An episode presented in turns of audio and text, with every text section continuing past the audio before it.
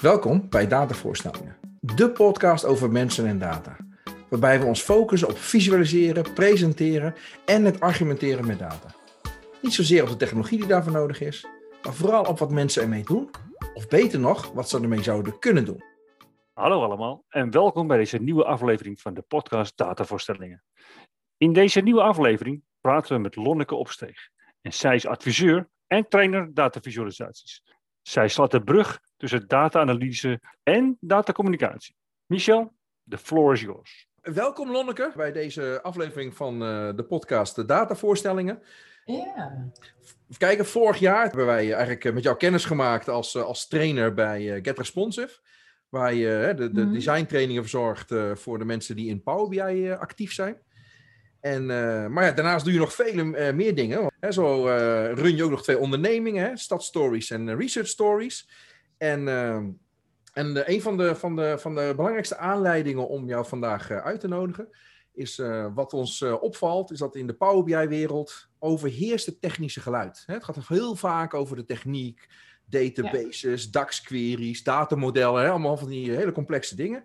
En wij vonden het er heerlijk verfrissend om daar gewoon het andere geluid te horen. Hè, dat gaat over hoe communiceer je nou data optimaal met je publiek. En ja. Uh, ja, daar willen wij natuurlijk van alles van weten. Dus vandaar dachten wij, nou, wij moeten Lonneke uitnodigen. Super nou, maar voordat we, dat we je daarvoor uh, aan het woord laten, uh, willen we je eerst nog even feliciteren. Want hè, je zit vandaag in de uitzending op je verjaardag. Dus, Superleuk, uh, dankjewel. Ja. En, uh, en je vertelde ook nog iets anders, uh, dat, dat niet alleen jij jarig bent, maar ook je oma, mm -hmm. die wordt vandaag mm -hmm. 100 jaar. Dus ook ja. oma van Lonneke, hartelijk gefeliciteerd, geweldig. en maak er een mooie dag van. Ik dus, zal het er laten horen. Perfect, helemaal top. Ehm, maar goed, om maar eens van wal te steken, Lonneke. wie is Lonneke? Oei, wie is Lonneke? Oh, dat is wel een hele brede vraag. Hoe lang hebben we de tijd? Alle tijd die je wilt. Uh, sinds vandaag weer een jaartje dichter uh, richting 40, 38 uh, geworden. Om een gelijk een pijnlijke onderwerp gehad te hebben. We wilden er niet over beginnen, maar... ja, ik doe het zelf wel. Het geeft niet. Hè? Maar um, ik uh, zei vanmorgen nog tegen iemand: het is niet alleen maar proberen, wijzer te worden, maar vanaf nu is het een beetje voorkomen dat er wijsheid te snel wegcijpelt. Dus, uh, hey, wie is Lonneke? Um, geboren en getogen in Nijmegen. Na middelbare school uh, wilde ik voor mijn studie eigenlijk zo ver weg als maar mogelijk was binnen Nederlandse grenzen. Dus het werd Groningen. Ehm, in Groningen gaan studeren bewegingswetenschappen en arbeidspsychologie. Eerst bewegingswetenschappen, daarna begonnen met mijn promotieonderzoek.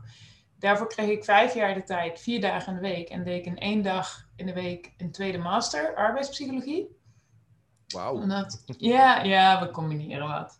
uh, maar dat is op efficiëntie gedaan, want ik ben afgestudeerd op mijn eigen eerste artikel uit mijn proefschrift. Dus um, ja, dat, ze, ze, vonden het bij psychologie een beetje raar, want het was best wel een beetje meer medisch artikel. En dat is weer een andere schrijfstijl, een andere opbouw van een artikel. Dus hoewel die al gepubliceerd was en ik er best wel vaak uh, uh, referenties naar krijg, uh, heeft mijn begeleider er best wel voor moeten strijden dat ik ook op op kwam afstuderen. Um, maar goed, had ik die titel erbij en in mijn promotieonderzoek was psychologie een belangrijk onderdeel. Ik ben gepromoveerd op werkervatting na een handletsel bij een revalidatieafdeling in het UMCG, het ziekenhuis in Groningen. En um, nou, daarna heel veel banen gehad. Het was voor mij duidelijk, ik ga niet door een onderzoek. Um, want ik zit te alleen en ik vind het te onzeker. En uh, ook de, de, financiële onzekerheid. Er wordt verwacht dat je lange tijd naar het buitenland gaat. Nou, ik vind het buitenland best leuk, maar graag voor vakanties. Ik wil ook weer naar huis. Um, dus dat wilde ik niet. Ik verschillende banen geprobeerd. Toen al een keer een jaartje ondernemer geweest. Uh, vertaling wetenschap naar praktijk op, op arbeid en duurzaam inzetbaarheidsgebied. Maar uiteindelijk nergens echt mijn draai kunnen vinden. Totdat ik op een gegeven moment dacht nou ja, ik moet echt, uh, echt wat anders gaan doen. En laat ik nou eens even tijd voor mezelf nemen. En toen heb ik een hele speciale vakantie gedaan. om een beetje meer tot mezelf te komen het hier niet-wetenschappelijke Detox en Reload Holiday. En daar kwam ik in een soort van, waarschijnlijk een soort van high toestand uh, terecht, waarin ik bedacht, ik word ondernemer en ik ga data doen. En ik heb een hele nacht wakker gelegen en helemaal bedacht wat ik wilde. En ik heb twee dagen na ontslag genomen en ben begonnen met ondernemen, met Stat Stories. Ehm, en die trip dus- loopt nog steeds dus. Ja, die trip loopt nog steeds. ja, dat gaat best goed. Er is een tweede bedrijf bijgekomen. En, uh, ja, maar um, dat zegt ook wel wat over mij. Ik, ik volg heel erg het gevoel erin en ik durf beslissingen te nemen. Um, ik ben niet bang van ja, als het misgaat, ja, wat dan? Weet je, ik word er niet minder van. Dus uh, ik blijf nog steeds wie ik ben. En uh, ja, in het ergste geval moet ik weer bij mijn ouders gaan logeren of zo. Ik weet het niet. Maar Ehm, gelukkig is dat ehm, bijna niet nodig geweest. Uh, Lonneke, een vraagje. Want je zegt uh, in, die, in die trip uh, op Ibiza was het blijkbaar. kom je tot het inzicht. En, en, wat, hoe kom je dan tot zo'n inzicht? Want wat, wat is dan de openbaring geweest? Waar, ja. ja, nou, het, wordt, het is, ik, ik ben eigenlijk helemaal niet zweverig, maar dit is bijna zweverig hoor. Of misschien is het dat wel. Um, we deden daar vrij veel yoga en ademhalingsoefeningen. En het was helemaal op, op alleen maar vloeibaar eten en, en ketose, dus helemaal geen koolhydraten meer. En op mijn laatste avond, ik had zelf nog een aantal avonden uh, een hotel erachteraan geboekt. Dus lekker gaan wandelen en heel veel rust nemen, een beetje nadenken, een beetje een boekje schrijven. En die laatste avond dacht ik van, oh, ik moet de volgende ochtend echt gewoon super vroeg opstaan. Uh, om vliegtuig te halen. Ik dacht, oh ja, ik word altijd een beetje uh, sloom van de yoga en die ademhalingsoefeningen. Dus dat ging ik doen. Uh, met het idee dat ik er goed kan slapen. Maar je gaat met die ademhalingsoefeningen heel veel zuurstof in je lijf pompen. En um, ik werd hyperactief. Ik had een hoge hartslag. Ik was helemaal... Dus ja, ik heb iets verkeerd gedaan. Uh, maar het was bijna... Ja, nou, twee het was bijna visioen. Ik zag mezelf gewoon op een podium over cijfers praten. Sterker nog, dat was een podium... Uh, en nu ga ik het zelfs dus de wereld in gooien. Het Beatrix Theater... Um, het rare van waarschijnlijk dat het toch wel een soort van high was, was dat ik mezelf ook zag in een kersttrui in een pareo. Dus er zaten wat bijzonderheden in. Ja, het was een trip, hè, toch? Het was, het was zomer, toch? Natuurlijk opgewekte trip. Er waren geen uh, hulpstoffen. Maar um, ja, en ik heb toen echt alles precies bedacht wat ik wilde. Ik heb die hele, ik kon de volgende dag gewoon die, die, die speech of, of show, wat je maar wil noemen, heb ik gewoon uit kunnen schrijven. Ik wist precies, en het moest sexy cijfers heten, want ik wilde de cijfers gewoon voor mensen die niks met cijfers hebben, gewoon helder maken. En uh, ja, in de, de, de, de, de na-effecten van die trip heb ik dus inderdaad besloten van, nou, dan moet ik het ook maar gaan doen. Dus, uh... Waar komt dan die, die fascinatie van die cijfers voor de, uh, naar voren en om dat sexy ja. te brengen en, het, en, en dat duidelijk te maken?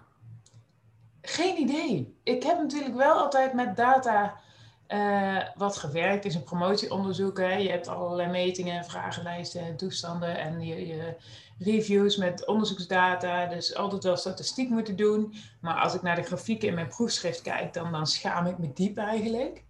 Um, ook in mijn tijd bij latere banen was ik wel ook van wat automatiseren. Ik eens met Access voor een universiteit. Ik heb bij de Universiteit van Groningen als beleidsmedewerker onder andere gewerkt. En ik vond het heel erg vermoeiend om steeds weer diezelfde data over op te halen. Dus dan heb ik zelf een systeem gemaakt waar ik het één keer kan invoeren en ter plekke elke rapportage eruit kon draaien die ik nodig had. Dus het bestuur was altijd heel verbaasd dat ik na een uurtje al hun vraag kon beantwoorden. In plaats van drie weken onderzoek moest doen. Maar, dus dat heb ik toen, daar zit natuurlijk al wel een datatak in. En misschien ook wel al richting dashboards denkend. Uh, ik heb bij een uitzendbureau gewerkt. Daarin zag ik dat ik de consulenten die ik moest aansturen, um, die konden heel in de stress schieten als ze een paar uurtjes minder per week hadden verkocht, zeg maar, en mensen aan het werk hadden gehad. En ik dacht, ja, maar dat is toch ook natuurlijke variatie. Weet je, binnen welke bandbreedte moeten we denken? Dus toen ben ik ook grafieken gaan maken met onze doelen, want we hadden echt weekdoelen op basis van wat verwacht je nou eigenlijk. Uh, hoeveel uren kunnen we dan verwachten gezien vrije dagen, et cetera, vakantieperiodes. Dus heel gespecificeerde doelen. Dus die had ik in een grafiekje geplot met daarbij de lijn. En elke week print ik dus een nieuwe en die hing ik weer in de koffiekamer op. Uh, met waar staan we dan nu? En ik merkte dat hun dat zoveel rust gaf. En het waren zelfs mensen die niet zoveel met cijfers hadden. Dus ik dacht, zo'n grafiek werkt gewoon heel mooi. En uh, ja, en toen ik dat zoiets begon, begon ik heel erg op het idee van statistische analyses en meer de wetenschappelijke statistiek dus gaan inzetten. Um, ik kwam erachter dat mijn resultaten die ik daaruit haalde um, en de grafieken die daarbij horen, de wetenschappelijke grafieken, de histogrammen, de boxplotten, de scatterplots, dat mijn klanten die helemaal niet begrepen. En dat ik tot drie keer toe een boxplot moest uitleggen aan dezelfde persoon. En toen dacht ik, volgens mij moet ik een andere manier gaan verzinnen, want dit werkt dus niet. En ja, zo, ja, ja, en toen ben ik steeds maar over datavisualisatie gaan leren en toepassen. En okay. uh, heeft dat gewoon mijn aandacht helemaal uh, uh, ja, opgeslokt. Ja. Top. Grappig. Ja. En hoe, hoe, heb je, hoe heb je dat geleerd dan? Wat, wat, heb je dan? Welke, wat heb je gelezen of gehoord om je die theorie ja. zelf te maken? Um, ik ben best wel met mensen gaan praten die in uh, datavisualisatiehoek zich bevinden en hun altijd een boekentips gevraagd. Uh, toen ik mijn bedrijfsnaam ging verzinnen, kwam ik ook op data stories. En toen kwam ik achter dat het al bestond. Of story, storytelling met data. Nou, toen kwam ik opeens op Cole Nussbauer natuurlijk uit. Dus ik heb haar een boek gekocht. Dus toen ik dat boek binnenkreeg, heb ik echt daadwerkelijk direct haar een berichtje gestuurd van... Ik sta nu echt te stuiteren. Ik ga nu je boek lezen. Ik vond het heel grappig. Um, dus ja, ik heb eigenlijk gewoon zelf allemaal de, boeken gekocht. Ik ben heel goed in leren uit boeken. Dat is misschien mijn voordeel van die wetenschappelijke achtergrond. Uh, daar heb ik eigenlijk met name uit geleerd. En wel een enkele keer een cursus of een workshop gedaan. Maar ik had altijd zoiets ja, maar dit stond ook in die boeken die ik gelezen heb. dus ja, je volgt op blogs en natuurlijk, je doet ook inspiratie op uh, van mensen die ermee bezig zijn. Maar echt het leren heb ik uit boeken gedaan. Nou, er zijn er gelukkig genoeg van, hè? Dat, is, mm -hmm. dat, uh, dat uh, schiet in ieder geval lekker ja, op. ik koop er meer dan dat ik lezen kan, dus... Ja, nou goed, als ik naar mezelf kijk, ik, ik, kijk, ik koop alles waar ik mijn handen op kan krijgen aan fysieke boeken. en ik lees er eigenlijk geen één meer, maar ik scan ze allemaal. Uh, oh, want ja. dat is natuurlijk ook heel veel herhaling. Dus het gaat vooral over wat is er dan anders. Hè? Dat, uh... ja, ja, dat kan ik dus niet zo goed. Ik wil altijd tot in de diepte elke letter gelezen hebben. Oh, oké. Okay, okay. ja. ja. dan komen we bij jou voor de samenvattingen, begrijp ik. Ja. ja. Handig om te weten. Dus, uh... ja. Hey, maar, maar dan, als je dan kijkt, hè, dan, dan, dan oké, okay, dus je merkte dat, die, dat die, als je die cijfers uitlegde, of die, die grafische vormen, die, die zeker in de wetenschappelijke omgeving heel veel worden gebruikt, dat die niet altijd werden begrepen. Dus nou, dan, dan de focus op hoe kunnen we dat nou met visualisatie beter maken. Um, maar dan de stap naar Power BI. Hoe, hoe zit die dan? Waar, waar komt die dan vandaan? Ja, ik dacht eerst, ik ga aansluiten bij de programma's die de bedrijven waar ik me op richt, die ze hebben. En dat is doorgaans gewoon Excel. Mm -hmm. Ik richt me toch op bedrijven die een start willen maken met meer data gedreven, data gestuurd werken. Dus die zijn vaak nog niet zo met dashboards bezig. Um, dus ik begon gewoon met in Excel dingen bouwen. En ik heb daar ook voor klanten best wel uh, um, zwaardere dingen mee gedaan, zou ik zeggen. Dat het echt wel ook koppelingen tussen Excel en uh, PowerPoint bijvoorbeeld om bepaalde rapportages in, met één druk op de knop zeg maar klaar te maken met infobladen, nou van alles. Um, en ik merkte wel van, oké, maar als ik nou een heel dashboard in Excel bouw, wat ook kan, ook met dynamisch en met filters en met koppelingen naar datasets, et cetera. Het blijft een beetje tricky en het blijft kwetsbaar. Uh, je bent iets op beperkt in je mogelijkheden. En toen kwam ik in gesprek met iemand die heel veel met Power BI werkt. En toen ben ik toch me daar ook maar eens in gaan verdiepen en wat cursussen in gaan uh, volgen. En uh, Hoewel ik echt tegen de frustraties af en toe aanloop dat ik niet alles kan maken zoals ik het hebben wil. Mm -hmm. ik heb in Excel meer vrijheden in het maken van ja. mijn uh, grafieken dan in uh, Power BI. Uh, denk ik toch dat het eh, voor het doel, voor het snelle inzicht, voor veel mensen, dat het een heel fijn programma is. Hm. Ja. Dat is heel herkenbaar. Vooral dat, ja. dat je in Excel wel alles kan ja, bewerken, ik wil niet zeggen manipuleren, dat klinkt ja, zo, maar je ja. kan er wel heel veel dingen aanpassen en, en maken naar je eigen stijl. Ja, ja. ja. dus daar geef ik ook wel cursussen in hoor, ook in het maken van grafieken met Excel. Dat doe ik ook nog steeds. Ik maak ook veel rapportages en zo en nog steeds ook, ook vragenlijstanalyses. Laatst het veel corona thuiswerkvragenlijst. Ik denk dat ik er al vier of zo, vijf gehad heb de laatste half jaar. Um, ja, en dan maak ik het ook in Excel. En uh, dan, dan wordt het uiteindelijk een PowerPoint-presentatie. Ja, ja. ja. Want, want, hoe kom je aan je inspiratie voor als je je data design werk doet? Weet je, je, je, je -hmm. Want je kent natuurlijk de standaard grafieken in Excel en in PowerPoint, dat is natuurlijk wel de basic stuff. Maar je wilt er vaak ook een, ja. een, een mooi verhaal van maken. Of een, aan, niet, ik zeg niet een mooi, een aantrekkelijk verhaal. Want je wil je mensen natuurlijk ja. naar je werk toe trekken. Hoe doe je dat? Um, oeh.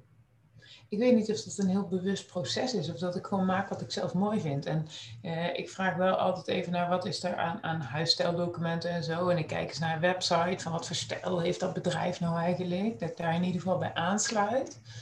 Ehm, ik ben heel erg van het duidelijk maken van waar moet nou de focus naartoe gaan en annotaties en uh, mensen eigenlijk begeleiden in het lezen van zo'n grafiek. Dat ze niet gewoon uh, een lading grafieken op zich afgevuurd krijgen en uh, zoek maar uit.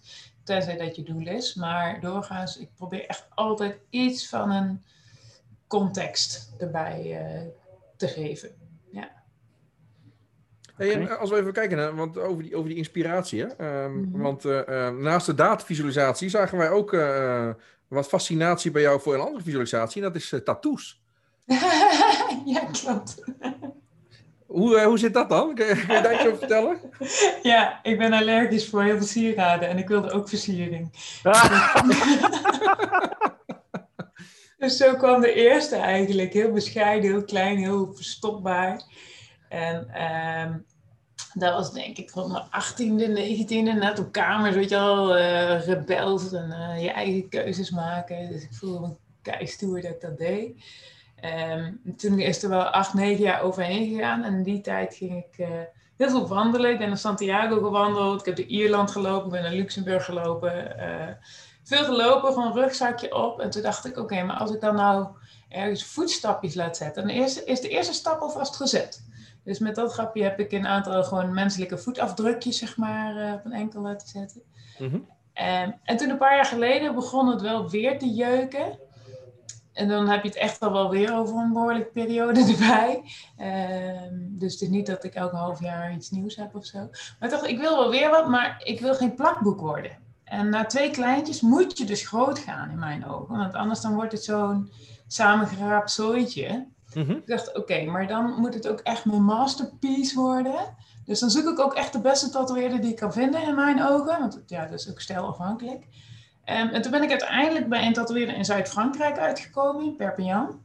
Mm-hmm. En uh, hij een berichtje gestuurd en hij wilde volledige vrijheid. Dus hij zegt, oké, okay, je mag aangeven hoe groot en waar op je lijf. En um, een beetje aangeven wat voor kleuren vind je mooi. Een beetje, ik moest ik een soort van A4'tje aanleveren over wie ben ik nou eigenlijk en wat wil ik en et cetera. En dan ging hij een ontwerp maken. Waarop hij zei, nou ja, jouw verhaal, ik wil een paard voor jou maken. Want ik wil altijd al een paard maken. Je bent een paardenmeisje, dus dan gaan we Daar ga je. Ja, inderdaad. Nee, ik toen, nou ja, ik wil geen uh, Happy My Little Pony uh, unicorn uh, toestanden. Leuk roze paardje. ja, ik dacht, nee, dat gaat niet worden. Maar als je er wat stoers van kan maken, prima. Maar ik kreeg het ontwerp pas te zien toen ik daadwerkelijk daar in Zuid-Frankrijk op de tafel lag. Oh jee. Dus, en het is mijn hele rug eigenlijk. Oh um, jee. Ja. Dus toen hebben we nog wel wat aan de kleuren gewijzigd. Nou, hij had zelf gelijk. Dus, oh, maar de, de, de geelachtige kleur die jij bedacht had, dat, dat komt echt niet op mijn huid. Dus uh, wat kleuren veranderd. En nogal een beetje qua formaten. Zijn nog wat groter gegaan dan ik bedacht had. Ik was kennelijk wat langer dan uh, de, de gemiddelde Fransman. Um, en ja, toen hebben we dat uh, in, in twee sessies gedaan. De eerste jaar, twee dagen achter elkaar. Dat was heel wow. heftig. En toen ben ik het jaar daarna nog teruggegaan. En toen hebben we daar nog een halve dag uh, mee bezig geweest. En uh, ja, en nu staat hij er een paar jaar op alweer. Ja. Top. Ga ja. Tevre tevreden? Um, ja, ja, zeker. Ik zie hem zelf niet zo vaak. Dat, uh... Wat een voordeel.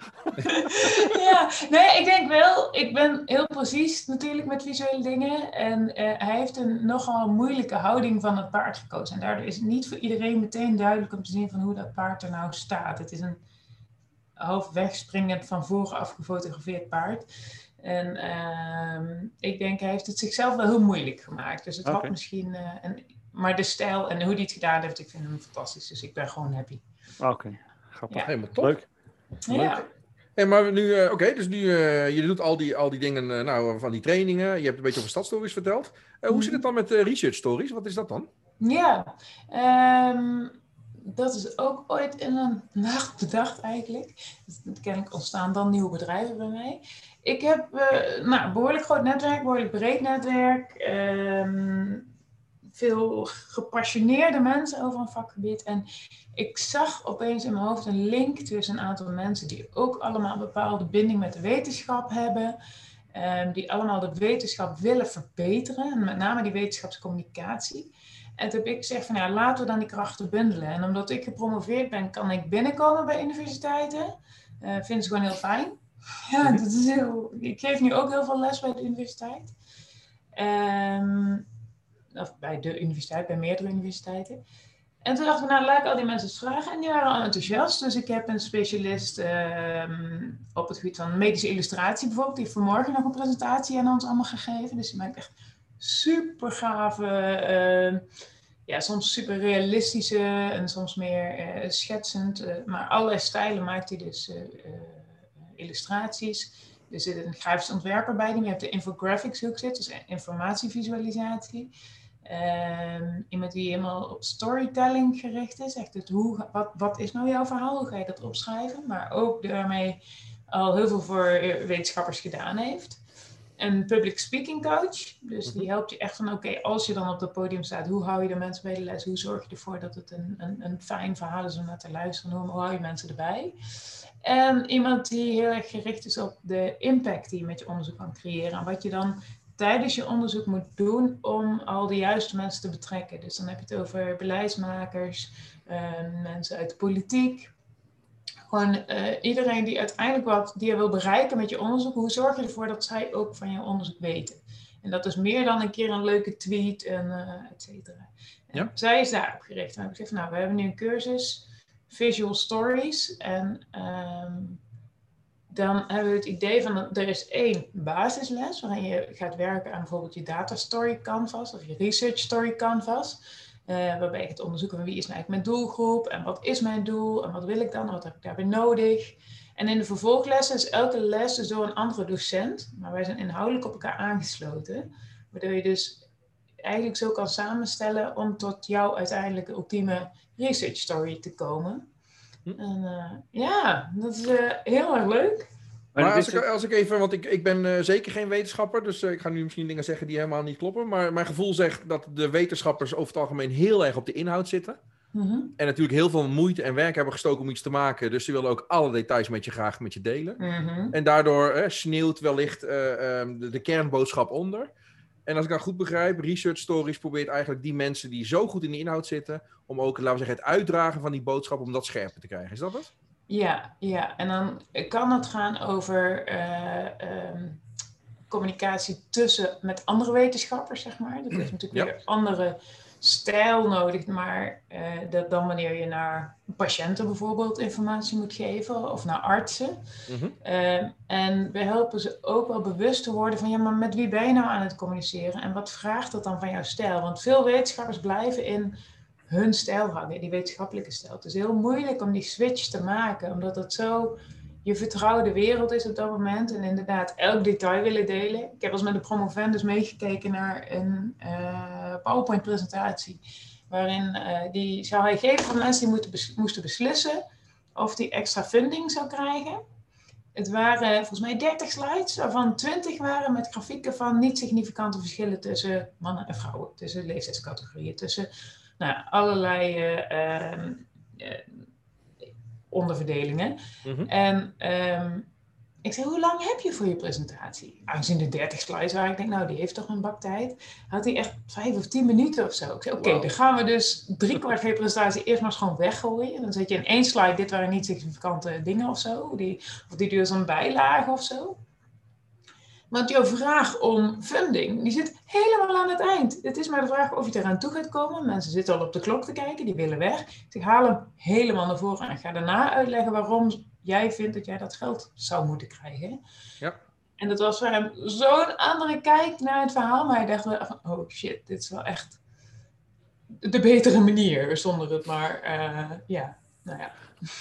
Okay. Gewoon een beetje het piramideschrijven aanpakken, wat, je, wat je nu beschrijft. Uh, dus beginnen met, met je hoofdboodschap en dan vanuit daar, nou ja, het opwerken en eigenlijk het langzaam breder worden totdat je eigenlijk de tijd op is. En ja. terwijl de, de, de, de, academische methode juist andersom is. Je is eigenlijk alles neer. Chronologisch. Ja, ja, ja. Ja, je begint met je inleiding van waarom ben je dit onderzoek gaan doen. Dan je methode van, hé, hey, maar, maar wat heb ik nou eigenlijk gedaan? Dan komen resultaten, maar dan mag je nog niks zeggen over wat die resultaten betekenen. En pas bij discussie en conclusie kun je zeggen, wat betekent het en waarom is het allemaal niks waard eigenlijk? Hè? De discussie is altijd jezelf weer onderuit halen van, wat hebben we nog meer nodig om het nog beter te doen? Ja. Ehm, en in een wetenschappelijk artikel, ja, dat is vaak de opbouw. Dat vinden uh, uh, de reviewers ook niet fijn als je aan die structuur gaat, uh, als je die gaat verbouwen.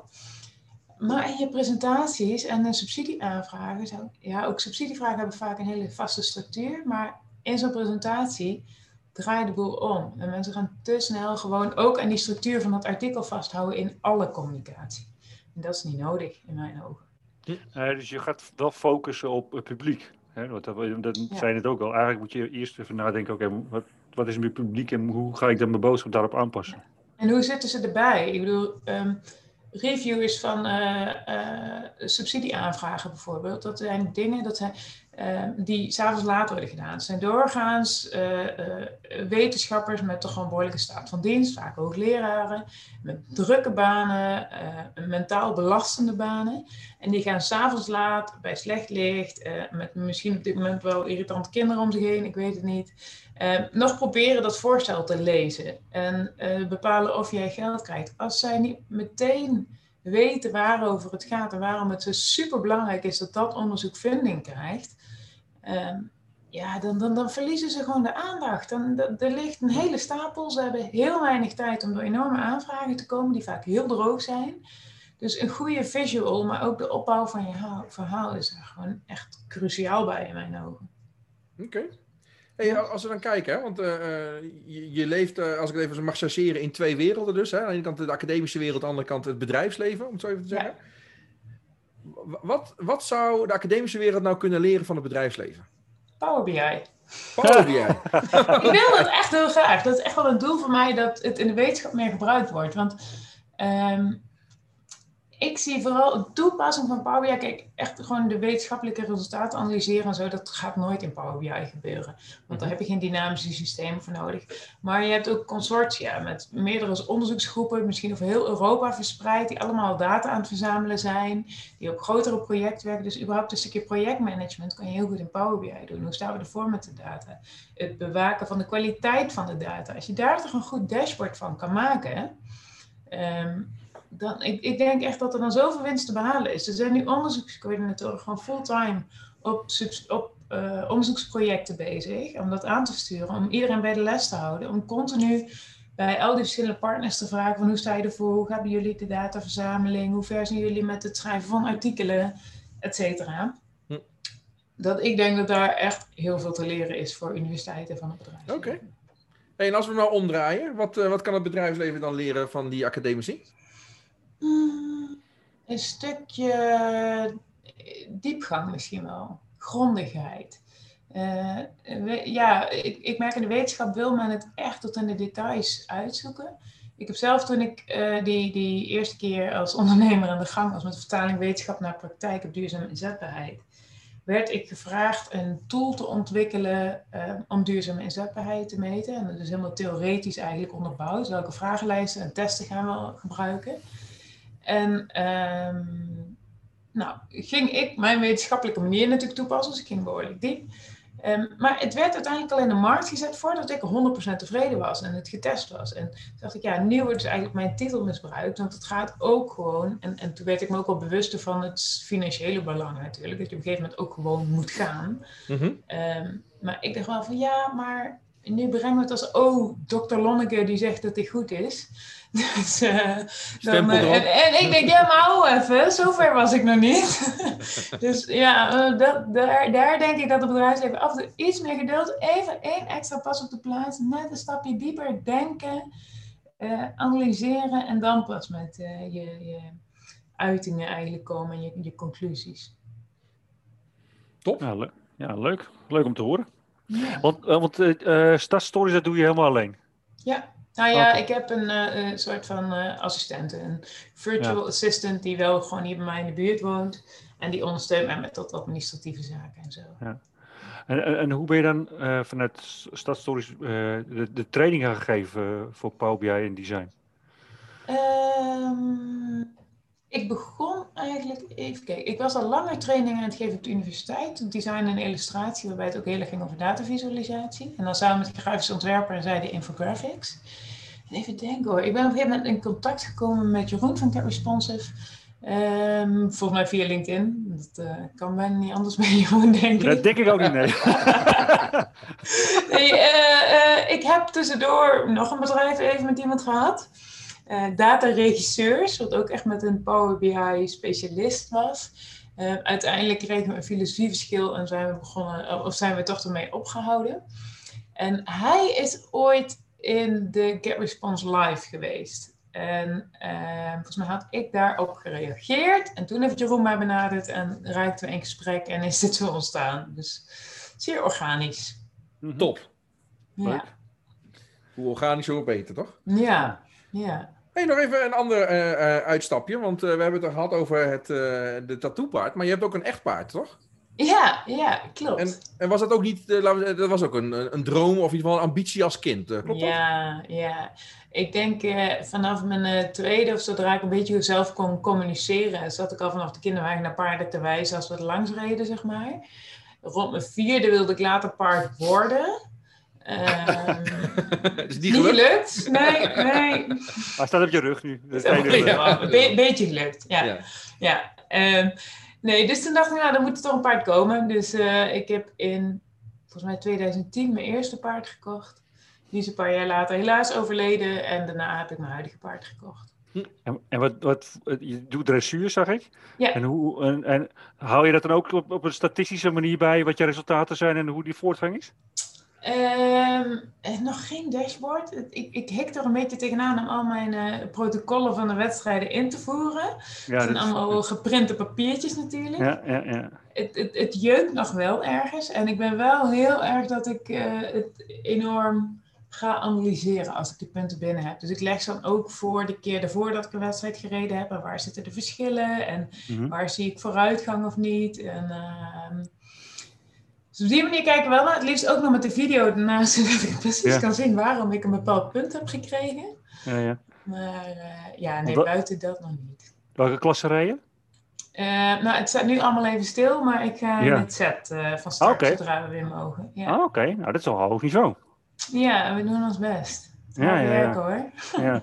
Nou ja, goed. Wij hebben ook een paard. En ze okay. rijdt niet meer. Ze zat nu in, in een soort paardenbejaardenhuis, uh, rustcentrum oh, in, op de Veluwe. Dus ik heb mijn dochter en mijn vrouw hebben gereden. Dus ik weet hoeveel tijd en hoeveel moeite het kost om, uh, om die wedstrijden af te gaan en te rijden en te trainen. En, dus, uh, ik ben wekelijks zo'n 20 uur ermee bezig. Ja, dat geloof ik graag. Ja. Top. Leuk. Nou, grappig. Ja. En in Nijmegen, hè? Zo, ja. je, je, bent echt helemaal Nijmegen hardcore ja. en je gaat dan helemaal over de grens in Groningen ga je dan studeren. Ja, ik heb 16 jaar in Groningen gewoond. Ah ja. En uh, Groningen en Ommelanden moet ik zeggen. Ook nog in uh, Schildwolde en Slochteren op de gasbel. Um, inclusief schade.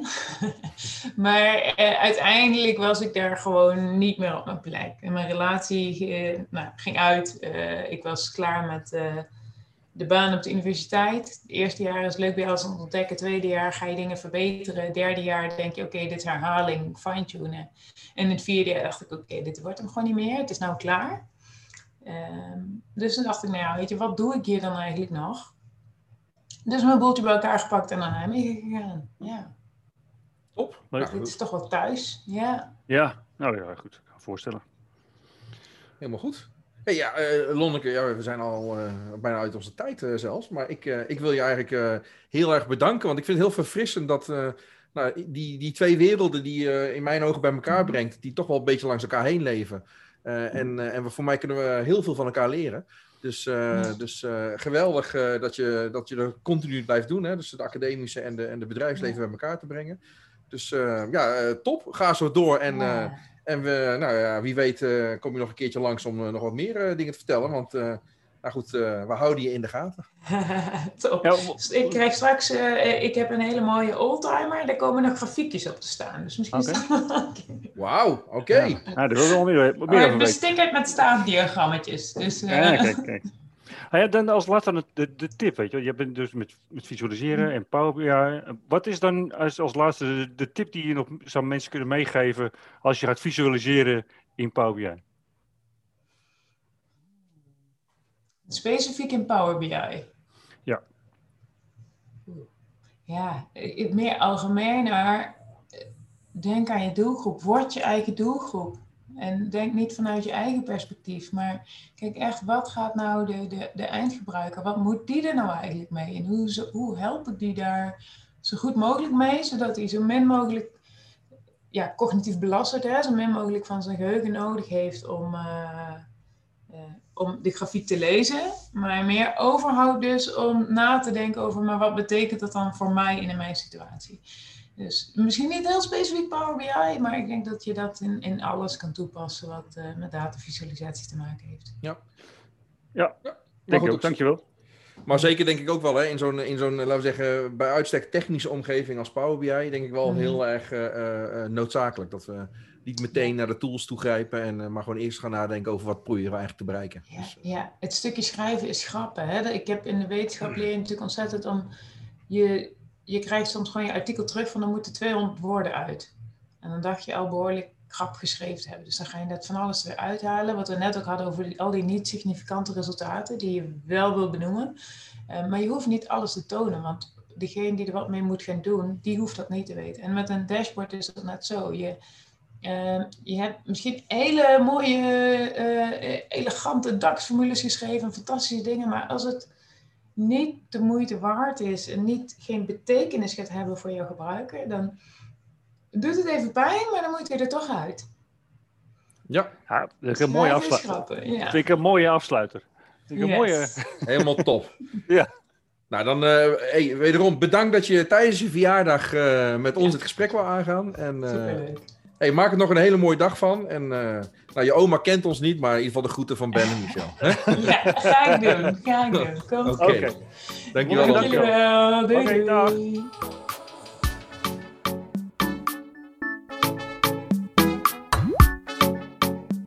Bedankt voor het luisteren naar deze aflevering van Datavoorstellingen met Lonneke Opsteeg. Als je het interessant vond, abonneer je dan op onze podcast. Dan blijf je altijd op de hoogte als er weer een nieuwe aflevering online staat. Heb je vragen of suggesties? Stuur ons dan een mail. Onze mailadressen staan bij de toelichting van deze aflevering. Nogmaals bedankt voor het luisteren en tot de volgende keer.